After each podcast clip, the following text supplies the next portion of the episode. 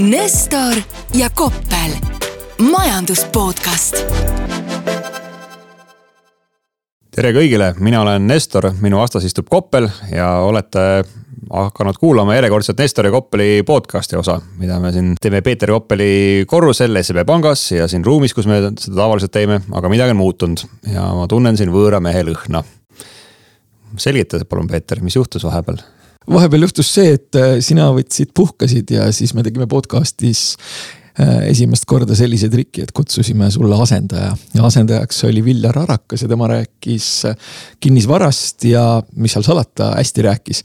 nii et kui kellelgi on veel kuulamata, siis kohe, kui te olete selle osa ära kuulanud, võtke, kuulake eelmine ka ja ma garanteerin, et ei kahetse Teil oli häbiraasu ka ei olete siin võõra mehe kutsus, aga ei, tegelikult ma ise kuulasin ka puhkuse ajal, mulle täitsa nagu meeldis, et äh, tore on ju, kui keegi teeb äh, sinu nime, viiskümmend protsenti sinu nime kandvat podcast'i ja nad ise ei pea lillegi liigutama.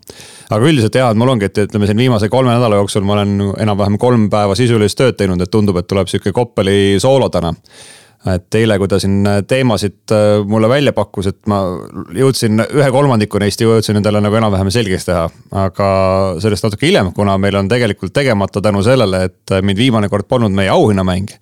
et nimelt siis üle-eelmisel korral me tegelikult olime Estonia teatris, kus me otsustasime või oli võimalus äh, teha esmakordselt sihuke väike tarbijamäng meie, meie podcast'i ajaloos ja välja loosida siis üks, ühed piletid äh, ooperile Falstaff, mida edendab siis Estonia teater. ja selle, selle auhinna saamiseks äh, pidi meile saatma mõne sellise tabava remargi, küsimuse, kommentaari seoses võib-olla sellega, mis me siin rääkinud oleme ja, ja kõige parema sellise väga sisulise kommentaari Eesti kinnisvaraturu ja ütleme, kinnisvara taskukohasuse kohta, seda eriti siis nagu pealinnas Tallinnas. saatis meile hea kuulaja Jaak, kellega me võtame kohe peagi-peagi ühendust ja lepime kokku, et kuidas ta oma piletid siis ooperile Falstaff kätte saab aga kui nüüd nagu sisulise osa juurde üle minna, et siis see üks teema, millest me täna tahtsime rääkida mis sa välja pakkusid, on Suurbritannia majandus ja mis seal siis nagu sellel ajal, kui mina puhkusel olin, vahepeal juhtus. ja no selles osas ma natuke jõudsin siin ikkagi kodutööd ära teha ja ütlen, et tundus, et sihuke on sihuke poliitikute nagu instant karma hetk, ehk siis Suurbritannia vastne valitsus äh, eesotsas siis sealse rahandusministriga pakkus välja uue nii-öelda minieelarve, mida siis turgudel on hakatud kutsuma ka kui fiskaalseks erioperatsiooniks. Äh, viidates siis äh, Venemaa sõjale Ukrainas, et kuna sellega läks umbes täpselt sama hästi kui Venemaal parajasti seal Ukrainas see rinne edeneb, ehk siis nagu tagasi suunas. et nimelt siis pakuti välja viimase viiekümne aasta kõige suuremad maksulangetused, kui ma ei eksi muuhulgas siis taheti langetada äh, või ära kaotada, ütleme siis kõige kõrgem tulumaksuaste äh, nendele inimestele, kes siis seal Suurbritannias suudavad aastas üle saja viiekümne tuhande naela teenida ehk siis nende seda, ütleme, see maksumäär oleks langenud sealt neljakümne viielt protsendilt neljakümnele protsendile. aga no lisaks sellele taheti siin protsendi võrra on ju tulumaksu kärpida. teha igasuguseid suuri infrastruktuuriprojekte, mingisuguseid erimajandustsoone või mis vahva termin selle kohta seal käis. aga ühesõnaga seda puudujääki siis sooviti katta täiendava laenamise abil, mis täna tundub, et nagu turgudel väga hästi ei kõlanud. Inglismaal või Suurbritannias juhtunud on, juhtunu on selles mõttes tähtis, et see on mudel sellest, mis ilmselt äh, mingisugusel moel võib hakata aset leidma ka mujal.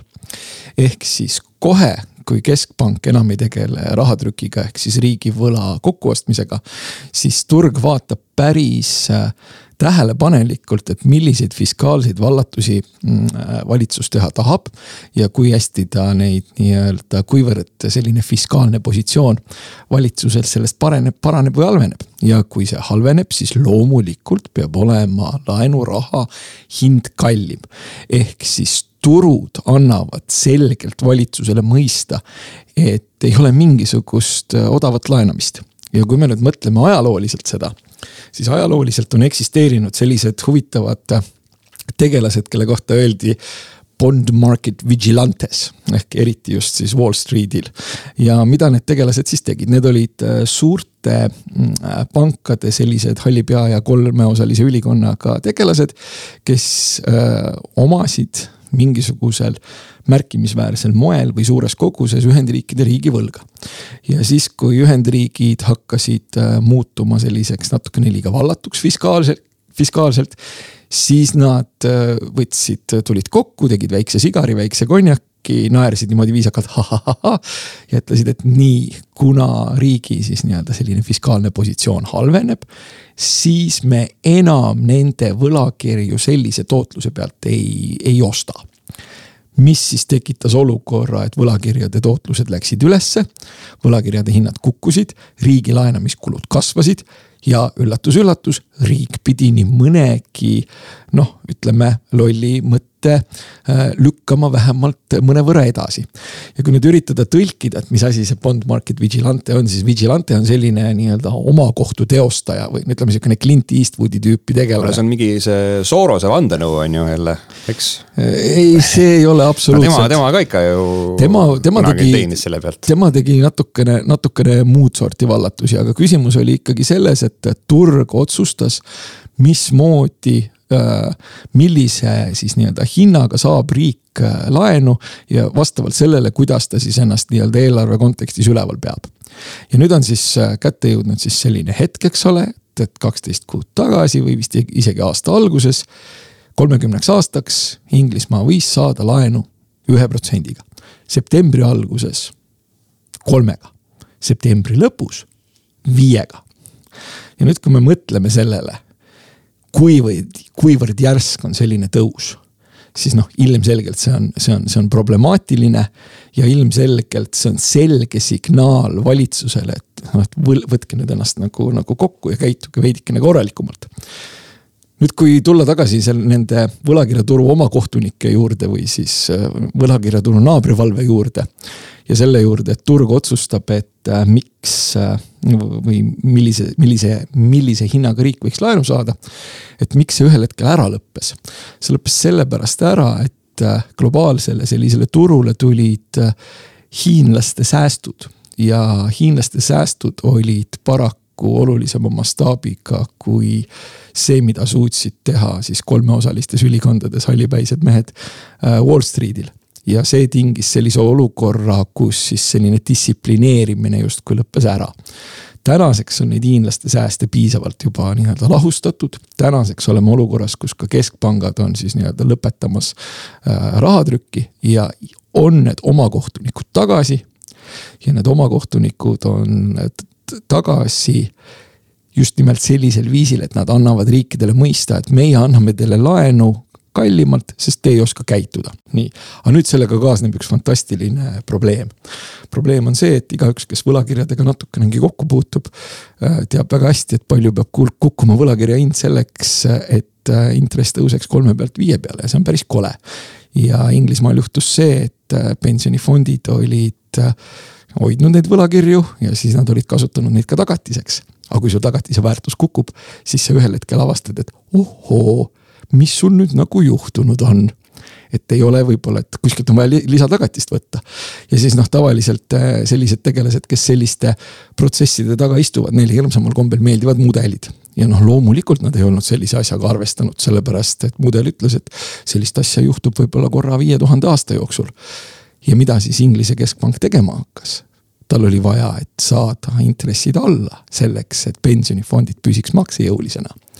ja hakkas ostma küll ütles ajutiselt pikaajalist riigivõlga ehk siis uuesti raha trükkima. ma vaatasin, hea number oli nagu vinge, et äh, kuuskümmend viis miljardit äh, naela oli siis see välja lubatud maht, kuigi noh, ega nad just realiseerisid sellest muidugi nagu näpuotsatäie, et äh, tegelikult turgudel tundub, et ennem hakkas hea, aga nagu vaata, sina rääkisid siin sellisest nagu kõrgpilotaažist on ju, et pensionifondid, riigi võlakirjad, et sellised nagu väga suured ja kauged näitajad, aga ütleme, kui tuues selle nagu lihtinimese tasemele, siis minu jaoks nagu kõige lõbusam seik oli see, et USA, vabandust, Suurbritannias siis äh, siin suuremad pangad peatasid korraks nagu kodulaenude väljastamise, kuna nad ei teadnud, et millise hinnaga neid tohib nagu välja müüa.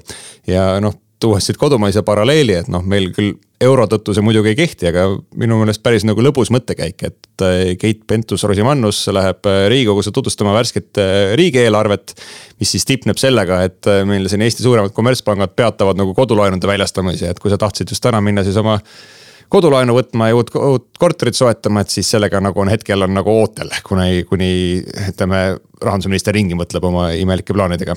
ja rahandusminister ikkagi Inglismaal oli sunnitud suhteliselt äh, selgelt äh, ringi mõtlema ja võib-olla see signaal, mida ta andis, oli see, et otseselt ei mõtelnud ringi, aga ta andis sellise signaali, et me peame täpsustama seda, mida me teeme ja loomulikult siis ka see keskpanga sekkumine. aga miks see on oluline, see on oluline sellepärast, et põhimõtteliselt mõtleme nüüd nagu sellele enam kui kümnele aastale rahatrükile, mis on toimunud. kohe, kui natukene hakkavad in intressid tõusma, kohe, kui keskpank võtab riigivõla nii-öelda käe alt ära, kohe hakkab tulema suur pahandus ja trükimasina rubilnikut tuleb uuesti liigutada. ehk siis ma ei ütle, et see kindlalt nii läheb, aga see võib tähendada täiesti rahulikult seda, et äh, lõppkokkuvõttes äh, ongi nii, et äh, kuna noh, pinget süsteemist eriti muud, muul viisil välja ei saa, siis jääbki siis nii-öelda pinge süsteemist väljutamiseks ainsaks võimaluseks see, et lepitakse kõrgema inflatsiooniga. ja see on võib-olla ka see, mikspärast ütleme viimasel paaril päeval turud on äh, natukene teistpidi liikunud, kui nad, kui nad varasemalt liikusid. lõbusad, volatiilsed ajad, aga ega muidugi tulles korraks lihtsalt tagasi, et võib-olla kuulajale sinna taustaks, et tegelikult ega nüüd väga palju ringi ei mõeldud, et äh, rahandusministeerium oli nagu, rahandusminister sellel Suurbritannias võttis nagu mütsi näpu vahele ja lubas natuke järele mõelda, et kuidas novembriks nagu rohkem kokku hoida. ja ütleme siis see kapitalistlikke vereimehed ikka piinatakse edasi, et see kõrgem maksuaste jääb alles, aga noh, mingit täielikku nagu tagasikäiku ikka asjadele ei antud, aga noh, sellegipoolest näeme, et siin Suurbritannia nael on dollari suhtes tagasi tegelikult sellel tasemel, et kus ta nagu enne seda suurt fopaad oli. jah, ja no loomulikult, kui me nüüd mõtleme äh, rikastelt Äh, rikastele selliseid tulumaksusoodustusi äh, nende andmisele, siis selle kohta kohe. hästi mõistlik makroökonoomiliselt. Äh, kusjuures jah, selle kohta on kohe-kohe kaks head kommentaari, esiteks loomulikult Twitteri avangard võttis, tõmbas kõik saed, mida nad käima oskavad tõmmata, käima, et see on noh, regressiivne ja see on paha ja noh, teatavasti rikkad on ju halvad. ja, ja teine asi oli siis see, et tuletati meelde sellist asja, mida mäletati Reagani ja Thatcheri ajast, ehk siis trickle down economics ehk siis noh, ma ei tea, kuidas seda tõlkida, et see on siis ülalt allapoole äh, valguv äh, majanduspoliitika, et kus siis, kui rikastelt nii-öelda veidikene äh, rikaste ahistamist nii-öelda veidikene vähendada, et siis nad hakkavad, äh, muutuvad majanduslikult aktiivsemaks ja see efekt jõuab ka alla välja. sellega mul tuleb ainult pähe üks selline nagu kunagine nagu Facebooki meem, kus siis istuvad nagu karivareseid nagu mingi elektriposti peal ja seal üleval on üks nagu vares, kes siis on natukene allapoole äh, väljaheited laotanud ja siis selle all on kaks varest, kes on nagu omakorda seda teinud ja siis seal kõige all lõpus on siis äh, karivaresed, kes on miskiga valge asjaga kaetud, et kas see, no ütleme, see on siis selline visuaalne pilt sellest trickle down economist. no trickle down'i economic'i pro proponendid või siis need, kes leiavad, et see on äh, äh, nii-öelda positiivne asi, kindlasti ütleks, et ja, ja, et aga see asi, mis allapoole valgub, et see on kondentspiim. ja sellega kipub niimoodi olema, et, et selle Äh, selles suhtes see on, see on, see on veidikene usu küsimus. sellepärast, et need, kes ütlevad, et see on halb asi, ütlevad, et see ei toimi. ja need, kes ütlevad, et see on hea asi, et see toimib küll, aga see toimib niimoodi natukene pikema aja jooksul. ja kõik, kes on siis seda poliitikat üritanud ajada, siis tavaliselt nii-öelda järgmises tsüklis ja järgmises poliitilises tsüklis on kuidagi jõle hästi läinud. et ütleme noh, põhimõtteliselt siis, kui keegi seda ajama hakkab, siis ilmselt vahetab ta välja keegi, kes on kuskilt vastaspoolelt, siis see vastas vastaspoolel olija saab mingisuguse räige majandusbuumi, kannab selle nii-öelda enda arvele ja siis kõik see siis nii-öelda kordub, ehk aga sellise Twitteri avangardi hulgas loomulikult on see väljend noh, selgelt vulgaarse tähendusega. no kui tahaks nagu sellel teemal kuidagi joone alla tõmmata, siis ütleme, et sellised lõbusad volatiilsed ajad on tagasi ja sellise rahavalitseja nagu Koppeli jaoks tähendab see, et on äh, nagu tõetund, et kas sa suudad klientidele toota kondentspiima või midagi märksa maisemat. Äh, tõepoolest sellepärast, et äh, noh, ütleme, mis puudutab võlakirjaturgu näiteks, siis kui selline klassikaline varahaldus tähendab seda, et et kui võlakirjad tõusevad, siis aktsiad langevad ja kui aktsiad langevad, siis võlakirjad tõusevad. ja sellega on siis võimalik sihukest viiskümmend, viiskümmend või kuuskümmend, nelikümmend portfelli nagu päris kenasti ehitada, siis võlakirjaturgude kontekstis on meil see aasta olnud saja aasta kõige viletsam.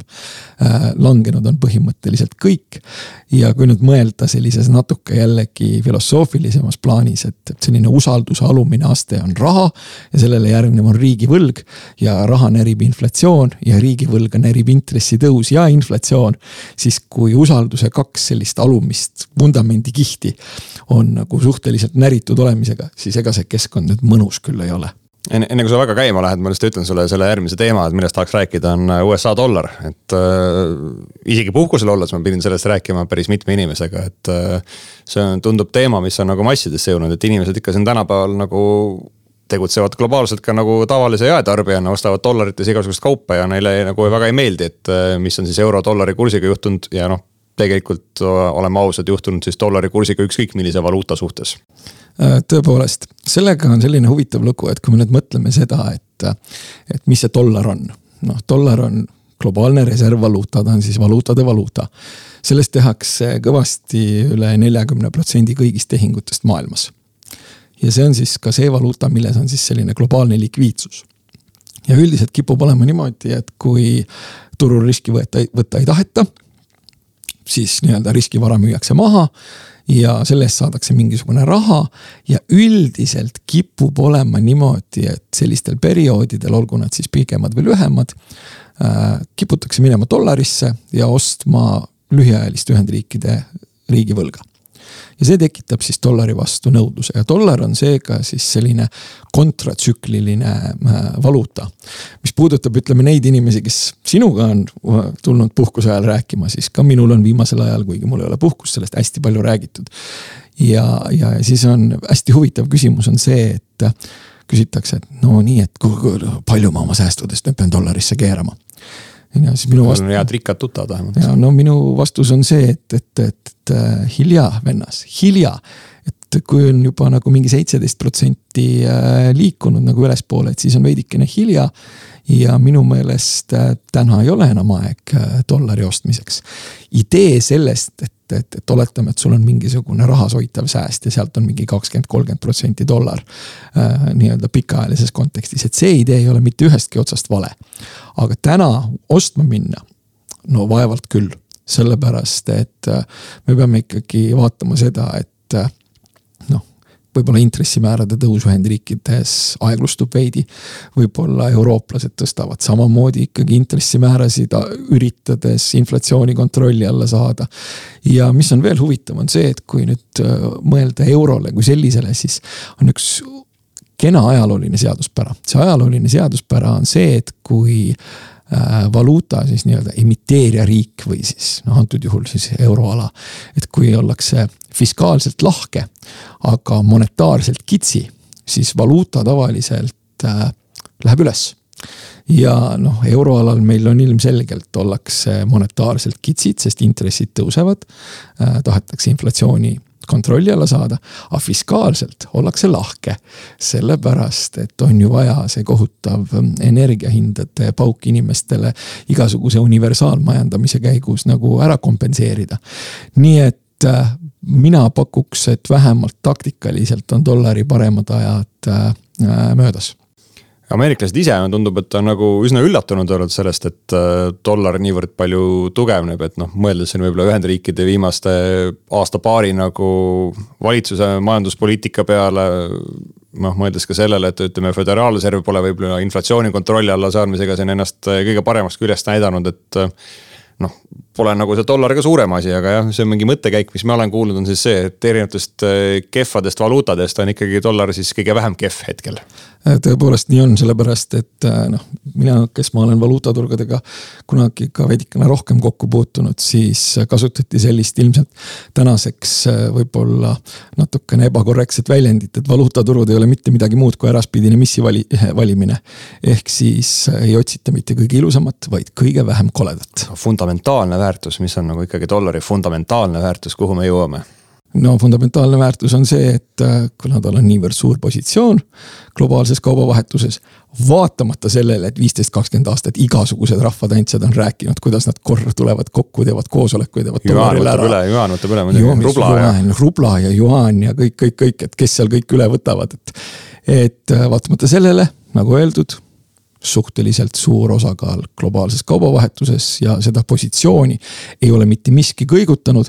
ja kui me vaatame seda, et mis, mida, mismoodi dollar on liikunud, milline on, millised on tema intressimäärad täna, siis võib esitada spekulatsiooni, et järgnevaks viieks või isegi kümneks aastaks on positsioon jälle kindlustatud no ütleme siin elades Eestis ja ostes nagu oma kaupa euros, mis, aga mis võib, ütleme tulla kuskilt globaalselt turult nagu dollaris, olukord muidugi ei ole nagu kiita. Ja sellele nagu näikse viitavad ka tegelikult siinsed ütleme näiteks impordi-ekspordi hinnad, et mis, mis ütleme ei liigu päris kooskõlas, et näiteks import on muutunud rohkem kallimaks, kui näiteks Eesti ekspordihinnad on tõusnud ja kui vaadata nüüd ka siin võib-olla natuke Eesti statistikat juurde viimased aastad, Eesti tööstusel ei kipu kuidagi väga hästi minema, et siin viimased kolm kuud on tööstustoodang langenud, et keskeltläbi siin kuskil neli protsenti. ja päris suured kukkumised on olnud eelkõige sellistes äh, väga suurtes tööstusharudes, et noh. tead, mis on, Peeter, sina ei ole nüüd Eesti majanduse peale võib-olla kõige suurem spetsialist, aga mis on Eestis kõige selline tähtsam tööstusharu sinu meelest? Oi, oi jumal, selles mõttes ma olen aru saanud, et ekspordi kontekstis küll oli meil igasugune mööbel ja puit ja komplektmajad ja kõik sellised toredad asjad no vot jah, ega sa nimetasid õiged asjad ära, et puit ja, puit ja metall on ütleme kaks on suurimat ja noh, mõlemad on kukkunud kuskil umbes äh, kümme protsenti. seesama mööbli tootmine, noh, ta on natuke väiksem, aga see on lausa kukkunud viisteist protsenti ja väheseid, kes siis on nagu mingisugust kasvu näinud muuseas, ongi need, kes tegelikult oma tootmis äh, selle ütleme kauba siis just äh, dollaris müüvad, ehk siis kodumaine põlevkivitööstus, mis siin loomulikult energiakriisi kontekstis niigi buumib aga samuti ka siis elektroonikatööstus, et meil noh, mahud on suured, nimesid on väga vähe, aga müüvad peamiselt USA-sse ja seal tundub täna see nõudlus olevat päris tugev. Aga no suures pildis noh, natuke olen nagu murelik siin Eesti tööstuse tuleviku pärast, et äh, olen nagu siiamaani olnud oma pessimistlikes prognoosides pigem optimistlik, öeldes, et no Eesti tööturul midagi väga hullu ei juhtu. aga ikka, kui selline suur tootmismahtude langus, noh, nüüd on juba mingid näited esimestest koondamistest. vaadata ka, mida öeldakse konjunktuuriuuringute raames, et noh, tundub, et tööstussektor on ikkagi täna nagu pigem nagu pisut kokku tõmbamas ennast. no vaata, see ongi, siin tulebki see minu ja sinu erinevus välja, et mina olen selline ikkagi natukene endi, endise kaupleja hingega tegelane, et noh, ma vaatasin ikkagi, kuidas, mis juttu räägitakse nii-öelda peamistes, peamistes ekspordipartnerites. ja noh, Saksamaal ikkagi see jutt läks ühel hetkel nagu väga-väga pessimistlikuks, see ikka oli sinna, läks juba sinnakanti, et. et võtame kodust voodilina ja lähme õhtul kaevame iseenda laugu ja tõmbame mulla peale, et. et, et Saksamaa tööstus ilma odava gaasita ei ole tegelikult justkui mitte midagi väärt ja nüüd tuleb aastatepikkune stagnatsioon ja. ja tuleb hirmus majanduslangus ja kõik, kõik, kõik, kõik, kõik, et isegi kui see kõik nii hullusti ei lähe, noh, praegu tundub, et nii hullusti teps mitte ei, ei lähe, siis noh, osa sellest ikkagi ju kandub ka meile, et kui Saksamaa köh-, köhatab, siis me saame ikka gripi ju jaa, aga jube pika viiteajaga, et ma ei tea, mis haigused nii pika viiteaega avaldavad, et siin äh, pigem ma ütleks, et täna nagu see peamine negatiivne mõju, mis me näeme, on ikkagi see, et äh, lõpuks on nagu Stockholmis hakanud nagu kinnisvara, kinnisvara hinnad allapoole kukkuma. ehk siis tegelikult äh, päris suur osa sellest Eesti ekspordist, tööstuse ekspordist on seotud sellega, et kas Rootsis, Soomes, Norras keegi tahab parajasti uut kodu osta ja kui palju ta sellest maksta tahab. ehk siis erinevad kõik need puitmajad ja mööbel ja ehitusmaterjalid ma ei tea, mis madratsid ja mida kõike me nagu sinna, eriti just Rootsi oleme viinud. et äh, neil tundub täna nagu situatsioon kehvem olevat, kuna siin noh, Stockholmis siin juba kuskil isegi kümme protsenti kohati on nagu kinnisvara hinnad allapoole kukkunud ja noh. selles valguses keegi täna väga uut kodu ostma ei tõtta ja ka uusi hooneid ehitama ei tõtta. ehk siis selline lähiväljavaade võib-olla nagu Rootsi ekspordi osas on päris kesine. kuule, aga sind saab nüüd kiusata, et kuna sa eelmist podcast'i ka kuulasid, et äh, kuidas siis selle meie elukondliku kinnisvaraga on, et palju selle hind alla tuleb tipust? vaata, kuidas seda mõõta, on ju, et äh, kas mingi pakkumishind kuust kuusse võib kukkuda, oh otse loomulikult võib kukkuda. kas me näeme aastases võrdluses Eestis nagu seda, et äh, keskmisena elukondlik kinnisvara muutub odavamaks, et no selle peale ma jätkuvalt olen valmis kihla vedama, et pigem ei aga jah, muidugi, et äh, täpselt see, see mõõtmise küsimus, et siin kõige ülemisest tipust mingi pakkumishinna poole pealt noh, täitsa kindel, kukub sest äh, mulle meeldib hirmsamal kombel vaadata mm, kahte graafikut, noh, mulle teatavasti graafikud üldse hirmsasti meeldivad. ja nii palju, kui ma sinu presentatsioone olen näinud, siis sulle ka. ja siis on kaks, Goldman Sachs on teinud kaks huvitavat graafikut, et siis euroala nii-öelda finantstingimused ja Ühendriikide finantstingimused. ja noh, see siis peaks kokku võtma kõik rahahinnad, raha kättesaadavused, kõik, kõik ja need graafikud muudkui ronivad aina üles ja üles ja üles. ja see tähendab seda, et, et, et kõik protsessid, mis olid, toimusid siis, kui need graafikud liikusid alla, peaks ümber keerama ja see kehtib ka kinnisvarahindade kohta. aga me ju just rääkisime seda, mida oli sunnitud Inglismaa keskpank tegema. ehk siis äh, võtma jälle minema rahatrükimasina rubilniku juurde ja seda ilmselt mõningate vandesõnade saatel keerama, sellepärast et eks inflatsiooni ajal raha trükkida hoia ja keela, eks ole, keeruline piiks-piiks ja raha tuleb. aga kui ma selle tööstuse jutu juurde veel korraks tagasi tulen mis ma, miks ma ütlesin, et äh, see nagu Saksamaa hädad võivad meieni nagu sellise suhteliselt pika viiteajaga jõuda, on ka see, et. Äh, jällegi noh, teie, teine meie peamine nagu ekspordipartner Soome ja vaadata nagu sealset äh, tööstussektorit, neil on muuseas läinud nagu võrreldes Saksamaaga täiesti nagu suurepäraselt, et kõik justkui endiselt kasvab. ja, ja nende võib-olla sellised nagu tööstuse projektid on sellised hästi pikaajalised olnud, et noh, siin juba kolm aastat tagasi keegi tegi nagu otsuse ära, et ehitab endale kuskil nagu mingi uue vahva laeva ja noh, Wärtsilä hakkab siiamaani seal treib neid nagu mingi mootorikomponente kokku. ja üldse nagu noh, mõeldes nagu jällegi Eesti ekspordile, et kui Rootsi suunal on see hästi tihedalt seotud selle nagu kinnisvaraturuga. siis Soomes noh, jumal teab, me ilmselt viime kõiki asju sinna Soome kokkuvõttes ja hästi paljud Eesti ettevõtted on seotud omakorda nende Soome ettevõtete väärtusahelatega ja niikaua, kui ikkagi sellel nagu Soome ettevõtlusel, Soome tööstusel läheb äh, kenasti. noh, usuks, et midagi nagu trickle down economist sealt nagu kukub ka meile siin nagu siiapoole nagu Soome lahte aga mõlema riigi jaoks, nii Soome kui Rootsi suurim kaubanduspartner Saksamaa, et jah, ma, ma selles mõttes olen sinuga nõus, et ega kui need nagu hädad seal peaksid nagu pikemalt püsima jääma, et eks see ühel hetkel ka nagu siia kohale jõuab mul on sulle selline vallatu küsimus veel, et kas see soomlaste energiakompott, mida nad kasutavad, et kas see äh, aitab neid märkimisväärselt? no soomlased on nagu huvitav riik selle poolest, et nende puhul ennustati ju, et oi-oi-oi, nüüd kus Soome nagu ja Venemaa vahel need kraanid kinni keeratakse, et nüüd järgneb katastroof. aga tegelikkuses Soome on üks, äh, ma nüüd ütleks, julgen öelda, et üks riike, kes on kõige enam suutnud oma gaasitarbimist vähendada, et rohkem kui viiskümmend protsenti ehk siis tegelikult see Vene energiakandjate kadumine kuidagi on nagu üllatavalt väikese mõjuga olnud soomlaste jaoks ja noh, jälle selline tugev pluss nagu meie kasuks. no palju neil neid tuumajaamu oli, kuus, seitse? ma ei julge siin hakata numbritega opereerima, aga no tead, nagu öeldakse, tulevad ots otsaga kokku jah, sellepärast ma mäletan selgelt, et kui minu äh, hiline lapsepõlv oli ja aktiivsem Soome uudiste vaatamise aeg, siis oli pidev jutt oli viides ydinvoimala tulee siin lõpetuseks tahaksin ikka selle ühe huvitava loo ära ka kuulata, et mis sa siin eile lubasid äh, täna rääkida, et ettevõtte nimega äh, Šveitsi krediit ehk siis Credit Suisse. Äh, et saan aru, et on mingisugusesse ämbrisse astunud, et no räägi see lugu ka lõpetuseks meile anekdoodi vormis Credit Suisse oli jah, mõnevõrra veidikene anekdoot, sellepärast et ütleme, viimastel aastatel neil ei ole hästi läinud.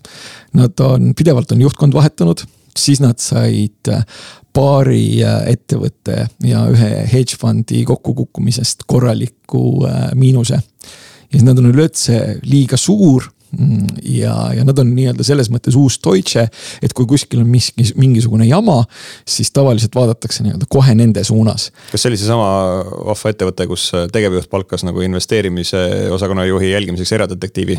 tead, see võis isegi see olla, sellepärast et seal noh, ütleme, kui me räägime tänases äh, kontekstis kontseptsioonist äh, Šveitsi pank ja siis mõtleme, et äh, mis, millised protsessid meil maailmas toimuvad.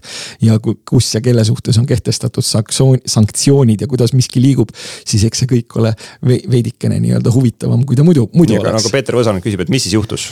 Äh, juhtus see, et mm, ettevõtte juht, noh, arvestades kõike seda nii-öelda problemaatikat ja arvestades seda, et, et aktsia hind muudkui kukub ja arvestades pidevat negatiivset meediakajastust ja arvestades ka seda, et, et sellised huvitavad instrumendid nagu CDS-id ehk credit default swap äh, hakkas sisse hindama seda, et et Credit Suisse võib osutuda siis nii-öelda oma võlakirjade kontekstis maksejõuetuks, et see tõenäosus oli kuskil paarkümmend protsenti või veidi üle. kirjutas töötajatele memo aga kui on hästi palju selliseid äh, töötajaid, siis loomulikult see memo lekib välja. ja noh, memo nagu memo ikka, aga ta kasutas väga-väga selliseid halbu sõnu ta kasutas selliseid sõnu, et noh, tegelikult äh, meie kapitali likviidsuspositsioon on ikkagi nagu väga-väga hea ja väga tore, aga. vähemalt mitte terminid mees ja naine. aga. aga, aga täpselt noh, sisuliselt kasutas sama, samu sõnu, mida oli kasutanud äh, Lehman äh, Brothers mõned päevad enne seda, kui ta uppi lendas. ja siis põhimõtteliselt käivitus spekuleerimine käivitus nagu tõsine spekuleerimine, et, et kui uppi ta võib lennata, mis tast võib saada, kõik, kõik, kõik, kõik, kõik. kui suur probleem see võib olla. kuni siis ühel hetkel ikkagi jõuti sellise järelduseni või et, et, et tõepoolest aktsia hind näitab, et paha. CDS-i hind näitab paha. aga kas siis panga puhul siis nii-öelda kõige tähtsam asi, kas võlakirja hinnad näitavad ka, et paha? no see ei näita, et paha. järelikult võib-olla nii hull ei ole ja siis jõuti oma mõtlemisega sellele, äh, sellisele arusaamale või teadmisele, et noh, tegelikult ju kaks tuhat üheksa kevadel lepiti kokku, et süsteemselt olulisi finantsinstitutsioone alla vette ei lasta. see tähendab siis seda, et võlakirjaomanikud ei kaota ja see tähendab seda, et hoiustajad ei kaota. Äh, ja aktsionärid on nii või teisiti juba korralikult kaotanud, nii et äh, huvitaval kombel rahuneti maha küll aga oli just nimelt eelmine nädalavahetus see, kus äh, ilmselt väga paljud tegelased olid suhteliselt äh, närvilised. ja noh, mis seal salata, eks ma isegi äh, vaatasin, sellepärast et mul on kaks tuhat kaheksa liiga hästi meeles ja ma siiamaani vahetevahel ärkan üles selle sama nii-öelda pildiga. aga, aga tundub, et siis nagu lõpp hea, lõpp hea, kõik hea ja ma loodan, et sa nagu suutsid sellest natuke kondentspiima endale ja klientidele toota, aga tõmbaks tänase saate kokku ja jälle kuulmiseni. elame veel, aitäh. Nestor ja Koppel, majandus podcast